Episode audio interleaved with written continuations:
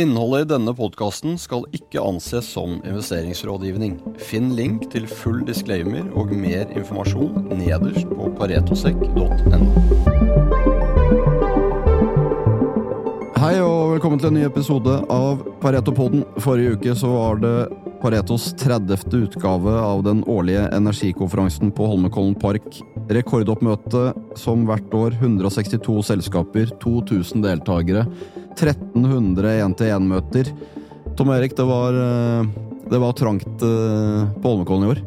Ja, det var eh, rekordmye mennesker. Spesielt mye investorer. Det var ganske likt på selskapssiden, 160 pluss. Men på investorsiden så var det jo enda litt flere enn i fjor. Det var jo flere, flere ganger, og vi tenkte jo at uh, da må vi ha en liten uh, oppsummeringspod. Og da har vi selvfølgelig fått med oss uh, Tom Erik, og deg også, Bård. Velkommen. Takk. Vi kan starte med deg, Tom Erik, for du var jo så heldig å få entre hovedscenen uh, helt i starten her, etter at uh, Christian Jomås, vår CEO, hadde holdt uh, opening remarks. Hva var budskapet ditt i, i, den talen du da holdt? Budskapet var jo at energimarkedet ser ekstremt spennende ut, at det ser stramt ut nå. Begynner med strømpris, som jo har vært veldig mye diskutert de siste par årene. Det ser man jo hvis man ser i Europa, er man fortsatt på 200 høyere enn det pleide å være. Eh, gass som har kommet veldig mye ned, er jo fortsatt dobbelt eh, det det var. Og det er nå, eh, før du kommer inn i vintersesongen og før du må konkurrere i kanskje større grad med Kina om LNG-frakter osv. Og, så og så ser du jo en oljepris på godt over 90 dollar, selv da med en god del question mark på vekst i Kina, eh, Europa selvfølgelig hvor det fortsatt eh, er vanskelig, eh, og USA også, som selvfølgelig kjenner høyere interest rates og den type ting, de også. Så det ser jo veldig stramt ut, og det kommer jo etter mange år med veldig lave investeringer, redusert kapasitet, som jo egentlig var mye av, mye av temaet på konferansen, spesielt servicesiden, begynner jo å se at selv om investeringsnivået egentlig ikke har kommet opp, eller altså investeringsnivået på oljeselskapene kommer jo opp i år, men det er jo ikke aktiviteten, det er jo mer høyere priser. Eh, så ser man jo at det strammer seg til da, på den siden, fordi du har tatt ut så mye kapasitet. da. Vi er jo ett år lengre inn i denne energisikkerhetsdiskusjonen. I fjor var det jo litt mer panikkartet. Du kom ut av sant, eh, Russlands invasjon av Ukraina, og prisene var jo også ganske sky high eh, på høsten der så har det jo egentlig gått greit i vinter. Man har fått inn en del LNG til Europa. Kina kjører ikke på, på fulle mugger og sånn. Bård, du også holdt jo en prestasjon som det gjorde for så vidt veldig mange av Paretos analytikere, men du snakket om eh, rigger og eh, oil service. Der er det jo bra fart for tiden, og bra interesse, og fullsatt sal, selvfølgelig. Absolutt. Uh, inntjeningen har jo kommet opp siden i fjor. Multiplene har ekspandert litt. Eh, så fortsatt på absolutt eh, veldig lave nivåer. Eh, det er litt som Tom Erik var inne på. Det er jo Etterspørselen har så vidt begynt å rikke på seg, og, markedet har strammet seg kraftig til, for du har jo til mange dårlige år tatt ut overskuddskapasiteten i de aller, aller fleste segmenter. Så, så veldig god stemning blant riksselskaper. I år kan man si at det som har vært eh, hottest, kanskje, eh, har vært subsea. På, på, båtsiden spesielt. Eh, der har det jo eksponert mot eh, ikke-expiration, og det er det som virkelig er elendig. For det er jo egentlig det som har vært litt motsatt i, i, de, i starten av denne sykkelen Vanligvis har man alltid lært seg at sant, seismikk kommer først, og så kommer alt det andre. Nå er det jo nesten litt motsatt, nettopp fordi at man har vært mer opptatt av å se på eksisterende produksjon istedenfor å, å lete på nytt. Og, og, selv om det virker som altså Selv om ting ser bra ut over for lite stål, så er jo global IMP-spending fortsatt ned 35% fra 2014. Absolutt, aktiviteten er ned 50. Um, ehm, så på, på, en del ting. Eh, litt, litt, avhengig av du ser på. Så nei, eh, frem til og med kall det shale-revolusjonen, eh, som knakk markedet til slutt, så snakket vi jo veldig mye om reserve replacement ratio og sånne ting. Eh, omtrent 20%, 20 pluss prosent av IMP-spenningen var expiration. Nå er det rett over 10-15 og, og det er jo ingen som snakker om reserve replacement ratio lenger. Det er usikkerhet på langsiktig oljeetterspørsel, og så har du da hatt en uh, fleksibel produksjon i shale, som ok, kanskje marginalen er dyr hvis det vokser mye, men, men det er i hvert fall en mulighet til å, å respondere med oljepris som har gjort at uh, kanskje oljeselskapene har tillatt seg uh, reduserte produksjonsbaser, som alt annet like. Så har man jo jobba seg gjennom da egentlig et varelager av tidligere funn, men det begynner jo å bli mindre og mindre der. Ja, vi hadde jo en fin prat med Karl Jonny Hersvik i Aker BP, Tom Erik, som, som, er forrige episode, som jeg anbefaler alle lytterne å høre på. De har jo gått litt mot strømmen, og vi snakket jo litt om det, og blitt litt straffet for det i, i aksjemarkedet, men, men det er jo den kalle finansmarkedets kortsiktighet versus det å bygge selskap på, på mellom og, og lang sikt. Ja, og så er det jo ofte sånn i syklisk industri da, at du må tørre å gjøre noe som er litt uh, off konsensus for å skape store verdier. Så er det ikke alltid det blir riktig, selvfølgelig, men, uh, men vi har jo veldig troa på at det er fornuftig, og at hvis man kommer seg litt tidlig i gang nå, at det er bedre enn å, enn å sitte og vente altfor lenge. da. Og at det fortsatt er stor verdi i f.eks. leteporteføljen i, i Aker BP, i vår, i Equinor, de som er store på norsk sokkel. Vi hadde jo et fint bakteppe òg. Det var jo en stor fusjon inn i konferansen. TGS og PGS går det. Eh, sammen. Det har man jo på en måte ventet på i 20 år. Nå skjedde det faktisk. Subsea 7 legger inn bud på Doff. Det er ikke noe tvil om hvor vi mangler kapasitet her. Nei, det er, det er jo det som gjengår her, er liksom, Ser du på seismikk, etterspørselen er jo lav i forhold til hvor den har vært. Uh, men det er jo, det er jo det er en constrained supply. Uh, og, og, det samme ser jo Subsea Seven. Skal de vokse, trenger de mer tonnasje. Så det er en knapphet på rett og slett hard assets som vi ikke, ikke har sett på, på, veldig veldig lang tid. Da. Historisk har man alltid sagt man skal ikke eller Det har vært flere selskap, Slum eksempel, som har solgt seg ut uh, lang tid av, av, assets, for det er bedre return on capital på andre ting. Men, men nå ser man kanskje at det bildet snur litt, rett og slett. Det er jo ganske interessant. Jeg synes jo På rigg spesielt, da, hvor du er ekspert, så er det jo spennende å se at du liksom, i det vi, i hvert fall vi ser på som en start på en, kanskje en oppsykkel, du ser lengre kontrakter, høyere rater, så handler du fortsatt på tre ganger altså mark to market-ratene nå. Ja, for det, det, er jo det som er litt interessant. for Du går opp på Holmenkollen, og så er alle litt redd for at nå er alle bull. Uh, alle er bull også, Men det er jo, sant, de fleste som er der oppe, har jo vært igjennom et, en par-tre sykler nå. Så selv om du ser på presentasjoner, og bakteppet ser ekstremt stramt ut, men du føler jo egentlig at det er ingen som helt tør å på en måte si det høyt heller, fordi du, du bare føler at uh, du kommer ut av en eh, åtte-ni uh, år lang nedtur. Og akkurat sånn som du sier, Tom Erik, vi har ikke hatt noen voldsom multiple ekspansjon. Det er ikke sånn at ting handler Nei. veldig høyt. Det reflekterer egentlig bare verdien av de pengene de tjener i dag. Altså, hva handler hva er free cashflow multiple på de IMP-selskapene du dekker, eh, Tom Erik? Ja, altså det varierer jo mye, men vi gikk jo, gikk jo litt gjennom det innledningen der. og det er jo liksom, Du får jo nå europeiske majors på seks ganger eh, årets inntjening på den oljeprisen vi har nå. Eh, det er klart, det er jo rekordlavt, egentlig. Det var vel kanskje teoretisk sett enda litt lavere i fjor, men det er jo spesielt å se det at ikke de har kommet seg høyere i prising, og det slår nok også videre i verdikjedene, da, når du ser liksom rigg handle på de nivåene de gjør. og jeg tror jo det er en stor mulighet, egentlig. Det er jo en ganske stor mismatch mot resten av markedet når det kommer til verdsettelse. Og når vi ser på, så når vi snakker om de store europeiske majorene, da snakker vi om energiselskaper som kommer til å være der og være, ikke sant? uansett hva egentlig du tror på. Om du tror på fossilt eller renewables, så er det de samme selskapene vi kommer til å snakke om om ti år på, på riggsiden, normalt sett på dette tidspunktet av sykelen, så har du priset inn alt. Du skal, ikke, du skal eie riggaksjer opp hit, og så nå er markedet så bra at du skal selge aksjene dine. Denne gangen er det annerledes. Nå er selskapene i snitt for en syvende generasjons boreskip justert for kontraktreaktivering og alt mulig sånn, som tjener 100 mil, er cirka, eller give or take, på en ny kontrakt, er ca. 320 mil. Det er rett under snittet i 2017 til 2019 på en lik basis, på 335 mil. Og da var det liability av en rigg. Og det er ikke veldig lenge siden. Så alt uh, har endret seg på en måte der. Og, og det er klart, uh, du er nesten tilbake i inntenningsnivå. Inntenningen er nesten tilbake på 11-14 nivåer på en 110-120 i snitt. Og da var det priset til 710 mil på en lik, eh, lik for lik basis, som reflekterte ja, Nybyggingskosten var 650-700 mil på, på, det tidspunktet, uh, og det var capped av det. Et nybygg ville jo kostet kanskje en milliard i dag.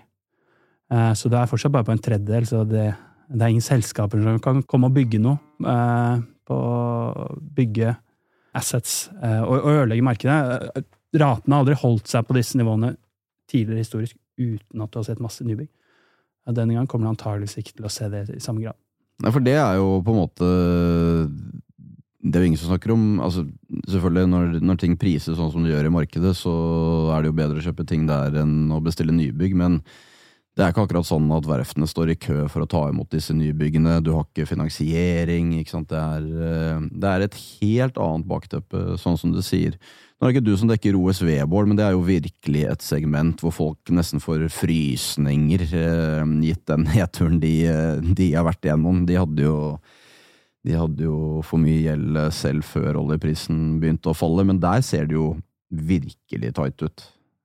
Ja, og spesielt da på, på subsea-båtsiden, da, eh, hvor eh, spesielt mange av de norske selskapene de, de har vært glad i, kall det high spec-tonnasje. Eh, så det er mye subsea-ankerhåndtering, eh, type store ankerhåndtere, type assets. Eh, og ja, subsea-båt spesielt, fordi etterspørselen egentlig har strukturelt vokst over lang tid. Samtidig som du har jobbet deg gjennom hele ordreboken. der vil vi begynne å se nybygg. Der må det komme nybygg for, for å tilfredsstille den, den etterspørselen som ligger der. Eh, de jobber jo gjerne også inn mot f.eks. havvindmarkedet. Eh, antageligvis i, i, mindre grad over det siste året, og antageligvis i mindre grad fremover også. Eh, for du får bedre, bedre rater i, i olje og gass.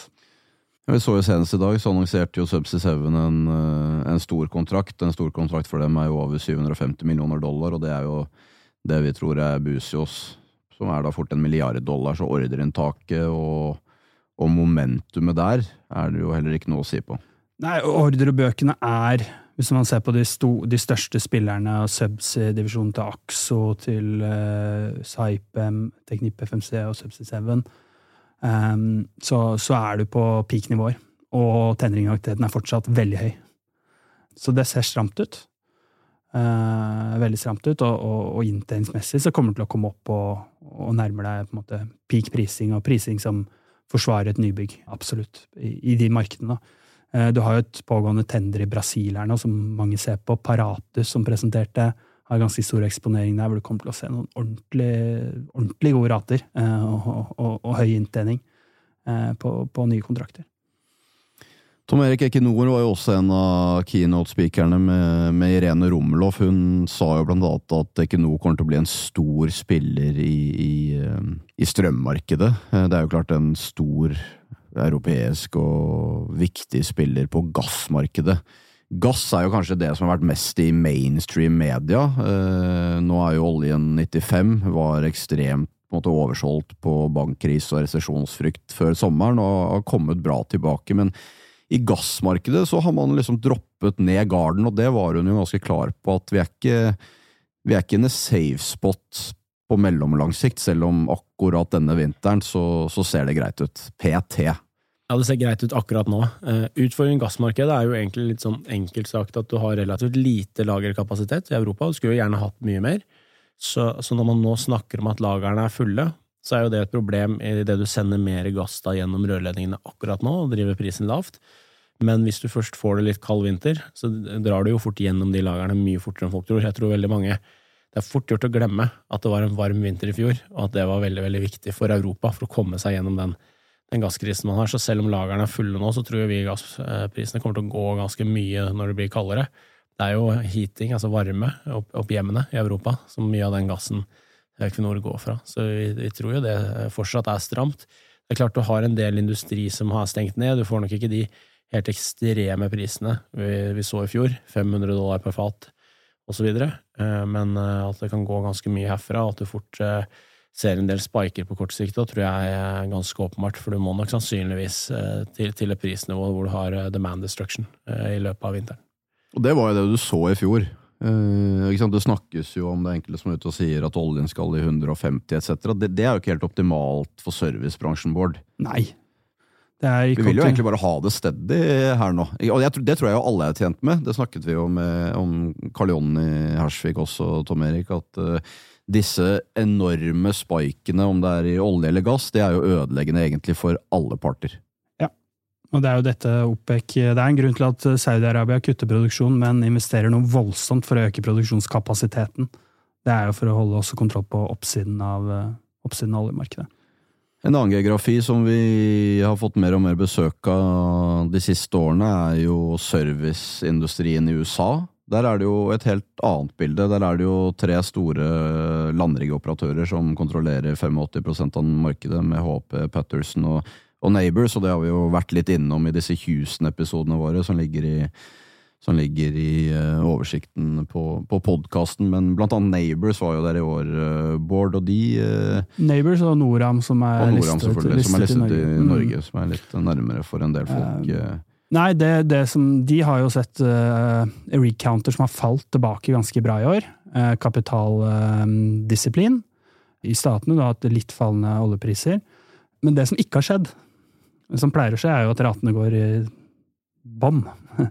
Men, uh, men nå er ratene i dag, på starten av året var det 35-40, vi rapporterte leading edge dagrater. I dag er det kanskje 30-35. Begge deler det er all time high-nivåer på ratene her. Inntjeningen er on par med 2014, tross at etterspørselen har kommet ned, og det måtte eile ganske mye rigger. Alle spillerne her nå, eh, Neighbors, eh, Noram, begynner å reaktivere riggene. Her kommer aktiviteten til å ta seg litt opp igjen fra og med Q4. Og selvfølgelig, der har du veldig lave gasspriser nå, oppside på, på det også. Og det er jo det, men altså, Der har det jo vært egentlig helt greit i Permian, som er det store på en måte oljebassenget, og så har du jo Haynesville, hvor det er mye gass, som vi har snakket om i et par tidligere episoder. Der har det jo vært tungt, Men det har vært overraskende dårlig i Permian. Ja. Eh, på starten av året så, så trodde disse riggselskapene at Permian skulle ta de gassriggene som kom ut av Hainesville, og så skulle rigcounten flate ut og gå opp i andre halvår. Det har ikke skjedd. Oljesiden har vært svakere, du har hatt mer kapitaldisiplin. Break-even er kanskje høyere, for serviceprisene har ikke falt som de pleier. Eh, det er klart, eh, øker aktiviteten. Det har vært stor inflasjon eh, på mange ting, og spesielt i, USA. Og når kapitalkosten går så mye opp som de gjør nå, så, slår det mye. Men nå vil det antageligvis gå opp. Men det jeg syns er spennende, er at vi har sett en multiple ekspansjon her. Det var jo ingen som har trodd på disse selskapene, og man er fortsatt usikker på om disse selskapene faktisk har den kapitaldisiplinen. Nå har de bevist det. Og da er det bærekraftig høyere rater, høyere break-even osv. i shale. Inflasjon er jo litt sånn key tema her også, Tom Erik. Og, og det er jo kanskje det som har endret seg mest. Det er jo at en del av de store oljeselskapene og Independent som Aker BP har inngått samarbeidskontrakter med servicespillerne, slik at man fordeler risikoen på en litt jevnere måte, slik at man ikke nødvendigvis får denne vanvittige boom and bust som man kanskje hadde i forrige sykkel, hvor servicespillerne satt med bra med inntjening, og IMP-selskapene satt med masse risk når det først begynte å smelle. Ja, det har blitt en litt annen modell. Spesielt Aker BP har jo vært veldig aktiv og snakka om det veldig lenge, eh, uten at så mange i kapitalmarkedet kanskje har lytta så mye på det. Eh, Nå tror jeg det får en god del mer oppmerksomhet, nå som det tighter seg litt til og du får inflasjon. og En ting er jo inflasjon, og så er det er viktig å tenke når man ser på det oddsen nå, at det, vi er jo fortsatt i et sånt scenario hvor oljeselskapene tjener enormt med penger. Så det er jo mer en normalisering av en serviceindustri som har tapt penger åtte-ni år på rad eh, mer eller mindre, eh, som nå på en måte får levedyktige betingelser igjen. Og så er det jo kapasitet som er en utfordring. altså Det er jo litt sånn som en del av de større har vært inne på der, at én ting er jo om prisene går litt opp, det kan man på en måte tåle. Det er såpass stor forskjell på break-even i de prosjektene som bygges ut nå, og dagens oljepris, at det, den er jo rekordstor, egentlig. Det har jo aldri vært større margin margins of safety på oljeselskapene der. Men da at man også får kvalitet, da. At man har jo, ser jo de største service providerne i verden nå har 40% færre ansatte enn de hadde i 2014, og global oljeeksport la opp eh, 15 Så det er klart at det, mengden flinke folk, eh, der har det forsvunnet mange, og så er det mye utstyr som er borte også. Så både det å eh, selvfølgelig unngå en enorm sånn kostnadsinflasjon som man har sett i tidligere oppsykler, det er viktig. Og du ser jo også en del selskaper holder igjen. ikke sant? Equinor har jo ikke akselerert utbyggingsplanene nå, de ligger jo fortsatt på en måte bare gjør det de sa for tre år siden de skulle gjøre. Det er jo et forsøk på å liksom få jevnere sykler på, på serviceindustrien i tillegg. Så er jo klart Aker BP litt annet tilfelle med den mengden prosjekter de har sanksjonert, men, men i det jevne og store bildet så er det jo veldig få av de store oljeselskapene som eh, har akselerert egentlig noe som helst, selv om det er gode tider. Så det er jo litt nytt, det òg. Så man ser jo en helt sånn ny kapitaldisiplin. Og i oljemarkedet så slår jo det inn, mener vi, og begynner å se det allerede på, på tilbudssiden, og, spesielt interessant det er jo litt det dere snakka om nå på Permian, at eh, man ikke ser at den ring-counten bare går i, taket. Den skal sikkert opp igjen litt nå, nå som brentprisen er over 90 dollar. Var jo 70 før sommeren, og det er jo litt lag der, men, eh, Men du skulle jo tro at det ble flydd inn rigger hver eneste dag der nå. Det er jo ikke blitt helt sånn. Det er klart, Da skaper du fort et, et stramt marked, spesielt nå som Kina eh, restarta jo etter covid litt etter oss. De er jo bra tilbake, og har jo, selv om det har vært mye negative nyheter på makroøkonomiske ting der, så har de jo faktisk kjøpt mer olje enn man hadde trodd gjennom sommeren. Eh, og en del av disse fremvoksende markedene går jo, går jo fortsatt bra. Du har en sånn favorittslide på i forhold til det med mm. personellet vårt, i forhold til utdannelse. og for, Fortell litt om den for, for, de som ikke har sett det. Bakgrunnen for det er at det jeg mener er undervurdert, er effektivitet. Eh, det er ikke så lett å få data på. Men det vi ser, vi ser på norsk sokkel, så ser vi at antall meter boret per dag på en rigg Og det er ikke bare en effekt av hvor effektive riggselskapene er, det er mange andre servicer som er involvert. Er opp omtrent 45 det vil si du trenger 30 færre rigger for å bore de samme mengden brønner. Så av den 50 nedgangen vi har sett i aktivitet, så har over halvparten forklart av økt effektivitet. Men går vi litt tilbake, fordi det har vært, den har gått fra det vi ser er at det er ekstremt negativ korrelasjon mellom hvor tight oljeservicemarkedet er, og hvor effektiv du er. Så da bruker bedre rigger enn du brukte før 2014. Men hvis du går tilbake før, etter Asiakrisen, så er det enda mer effektiv boring enn i dag, selv om du brukte 70-80-tallsbygde rigger. Så vi tror jo at effektiviteten kan gå ned, og her er konsensus alltid flatt. Og går den ned 10-15% så tar du ut all overkapasitet som finnes, i hvert fall i, i f.eks. riggmarkedet. Og spesielt da med den backdropen, og da har vi sett på de fire største petroleumsstudiene i Norge. Typisk var det rundt 1000 førstegangssøkere frem til 2014, så kollapset det. Siden har det vært 100. Disse 14 utdannede kom ut i, i 19. Eh, nå, de som kommer ut nå, det er antageligvis en lavere kvalitet, så det er jo veldig spesielt om vi denne gangen skal klare å opprettholde effektiviteten. Er det mye som tyder på at det ikke er? Og, og av de fire studiene så er det tre innen 2022 som hadde endret navn til noe annet enn petroleum. Så endret jo NTNU nå, navnet nå i, i år for å, for å, få talent. Så pensjonsalderen på de ansatte i oljeindustrien kanskje nærmer seg raskere enn peak oil. da. Og I forhold til, til din kommentar på, i Permian og på Shale, så er jo det akkurat det samme der. Det er jo ikke sånn at du bare kan ikke sant, altså Du har x antall idle-rigger, og er, vi snakker jo ikke om de samme kostnadene for å ta ut de riggene som vi gjør offshore, men du har rett og slett ikke nok crew til å ta ut alle de riggene akkurat nå, selv om du hadde ønsket det. Ja, kostnadene går i hvert fall fort når du begynner, ja. å, begynner, å, begynner, å, ta ut her, altså. Ja, og så er det jo det på effektivitet, for du får jo uh, selvfølgelig tak i crew hvis du bare betaler litt opp, men, men, du får ikke tak i et eh, godt trent crew. Du får jo tak i mennesker som du da må lære opp og, og få i gang, og, og da sette rundt på de crewene du allerede har, og det er jo store prosesser. Hvis du har de gutta som jobber gjennom enhver sykkel, de er, de er flinke, altså. Og så, og så, går effektiviteten fort ned. Og nå så vi på norsk sokkel. Nå sist har jo Equinor og Vår Energi signert kontrakt med Kosul for noen svært enkle rigger. Kommer til å bore vesentlig mindre effektivt enn eh, Deep Sea Atlantic og, den type rigg de har brukt de siste årene. Eh, og det er bare rent teknisk på riggen. Eh, I tillegg til at de skal ansette alle disse menneskene skal være nye. Deep Sea Atlantic, crewet, de kjenner hverandre godt, de kjenner riggen godt, det er godt innarbeidet kommer ikke til å være i nærheten av samme effektivitet. Jeg tenkte vi kunne avslutte med det du egentlig startet med din presentasjon, Tom Erik, og det er jo etterspørsel etter uh, olje. Uh, man leser jo i avisen og, tror at den er på rask vei nedover, og det stemmer jo selvfølgelig ikke i det hele tatt. Den er jo all time high faktisk i år.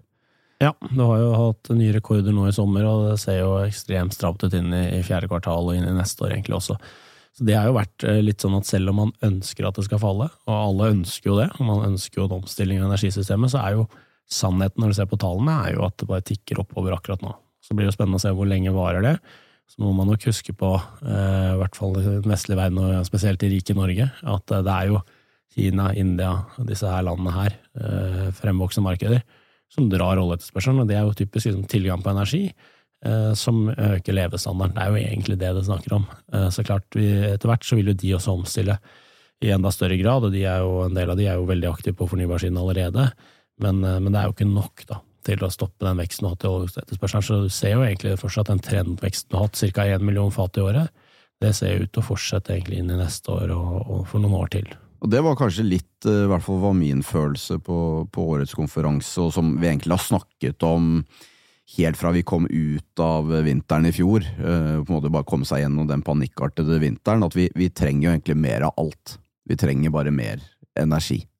Så er det noe med at ø, olje, et spørsmål spesifikt, handler jo om infrastruktur. Uh, det handler om det er myndigheter som må komme i infrastruktur, de må samarbeide. Det er veldig sensitivt til kapitalkost, som har kommet mye oppover det siste året. Så det er jo ikke noe som tyder på at dette går fortere relativt til hva det gjorde for et år siden, på, på, på akkurat det. Ja, så er det jo selvfølgelig i eh, mer pressa økonomier, så er det jo også selvfølgelig dyrt å omstille systemet og adde på den infrastrukturen du snakker om som trengs. Så det er jo, det er jo litt det man må huske, at det er ikke så lett å, å lade elbilen i Sør-Afrika, som du pleier å si fint. Uh, Bård, og det er jo et godt eksempel. At eh, vi i Norge er jo langt framme, og det er bra, men eh, det er ganske mange steder hvor det fortsatt er en god del ting som trengs da, for å Ja, og det er jo mange utfordringer. Vi hadde jo, vi hadde jo Freyr opp på scenen der også, med, med, batterier, ikke sant, men det er jo i, i, forhold til power grid og alt dette, det er, det, er å, det er, ikke bare å, velte hele verden over på strøm heller. Slik infrastrukturen er i dag, for å si det sånn. Det, det, tar tid. Uh, men det er, for eksempel elbiler er det jo bra økonomi ja. på, i verden men det tar tid, og det må være politisk store beslutninger som må gjennomføres. og, og sannsynligheten er jo ja, det, det, meste tyder på at akkurat det kommer til å ta en, ta en, god del tid, men vi er jo veldig positive til at du kan elektrifisere øh, veitransport. Mm. Og det, En ting som er veldig spennende egentlig på fornybar, er jo at Eh, det virker jo kanskje ikke sånn alltid, fordi politikerne er veldig gode på å stå og snakke om det når media er til stede. Mm. Men det er jo de man venter på. Eh, man ser jo det at veksten akselererer jo overalt hvor folk, altså selskaper og investorer får lov å bygge det ut. Så går det veldig fort. Og vi har snakka mye om havvind i Norge, men det er jo fortsatt ikke noe som bygges nå. Det er fordi vi står og venter på, uh, på staten, rett og slett. Skal, skal få lisenser og, ESA. godkjenninger. ESA venter vi på nå. Mm. ja, jo, jo, det er et stort system, men, men, det er jo det som holder igjen der. Det er jo ikke egentlig viljen på, på verken selskaper eller investorsiden. Snarere tvert imot, det er jo veldig mye kapital som slåss om mulighetene der. Eh, der er det jo mye vanskeligere å finne god lønnsomhet i gode prosjekter, fordi det nettopp er så mye penger som ønsker å være med inn og drive det skiftet. Ja, og Det sa jo blant annet Nikolai Astrup, som vi også hadde på scenen, ikke sant, og fikk litt spørsmål om, om altså de som faktisk lager rammeverket, da, politikerne, og da var han jo Ordet effektivitet kom jo inn der også. Ja, de må få opp farten. Ja, og det er, det er, det er jo et, det er jo vanskelig, sånn som på Sørlige Nordsjø 2, så har du nå et pristak på 90 øre.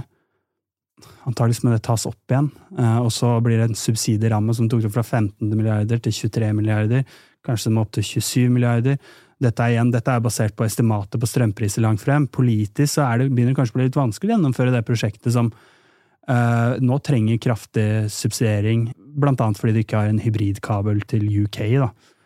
Som opprinnelig var grunnen til at du la det prosjektet der du la det. Det er tross alt veldig langt unna norskekysten. Ja, fordi det er vel litt sånn med det prosjektet, Bård, at uh, du kan det her mye bedre enn meg, men at litt av grunnen til at vi snakker om at det prosjektet trenger subsidiering, er jo at vi i utgangspunktet nekter de adgang til det internasjonale kraftmarkedet. At vi vil ha all den kraften til, til Norge. Ja, du må bygge ganske Du må bygge et stort uh, infrastrukturskap. Dette er jo veldig, veldig langt fra land, mm. som må supporteres av denne vindparken. Ja, mm. og så skulle du helst hatt mer skala. Jeg syns jo det er altfor små volum man snakker om her. Ja. Det er jo et område som uh, kunne tatt uh, vesentlig mer, da. Ja. Um, hvis man bare ser på antall kvadratkilometer og sånne ting. Så vi får håpe på at de får klart fase én, og så fase to, fase tre, fase fire etter hvert. Siste kinospikeren som vi ikke har vært innom, er jo ikke sant, Vi hadde jo Somen Pao og så Christian Siem. Vi har vært innom de selskapene. Vi hadde Irene Romloff fra Equinor, vi hadde Tom Eine Jensen fra Freyr og Nikolai Astrup. Og, og siste er jo Lundin-familien, og de er jo en litt altså De er jo i olje, selvfølgelig, det vet jo alle dere i Renewables, men på mining-siden mineraler og sånn, det var jo egentlig hans hovedtema, hvor på en måte de har vært aktive i mange, mange tiår fra hans eh, bestefar Alfred startet opp i sin tid. Det er jo også en viktig del av eh, hele energy transition-spillet her. Ja, i tillegg selvfølgelig til, til orøen eh, som de har i, i, i, Norden på energi, altså fornybar energi, så er det jo egentlig deres spill på, på energitransisjonen er jo i stor grad rett og slett de råmaterialene man trenger, da, spesielt kobber. Så de, jo, de, gjorde jo et stort oppkjøp i sommer, og har vel vært ganske åpne på at de ønsker å putte mye, mye mer penger inn i, i, nettopp det, fordi de ser at det er det som trengs for å elektrifisere da, og, og drive fornybarskiftet. Så det er ganske mange måter å, å, å spille det på. Jeg tror vi lar det være med det. Dere finner selvfølgelig absolutt alt fra energikonferansen på online.paretosex.com. Der finner du alt av presentasjoner. Du kan se video av keynote speakers, du finner Bård sin presentasjon, du finner Tom Erik sin presentasjon og alle andre av Paretos analytikers presentasjoner. Så der er det bare å gå inn. Jeg anbefaler alle å gjøre det. Nok en gang en meget uh, vellykket konferanse. Vi fikk vel oppsummert ganske bra der, gjorde vi ikke det? Jeg syns det. Får håpe det. Og hvis ikke du er fornøyd med det, så får du gå inn og lese selv. Eller komme neste år. Eller komme neste år, ja. Vi eh, lar det være med det, så høres vi igjen i neste episode. Vi minner om at denne podkasten ikke inneholder investerings- eller annen type rådgivning. Handel i verdipapirer medfører til enhver tid risiko, og historisk avkastning er ingen garanti for fremtidig avkastning. Pareto Securities er verken rettslig eller økonomisk ansvarlig for direkte eller indirekte tap, eller andre kostnader som måtte påløpe ved bruk av informasjon omtalt i denne podkasten. Finn link til full disclaimer og mer informasjon nederst på paretosek.no.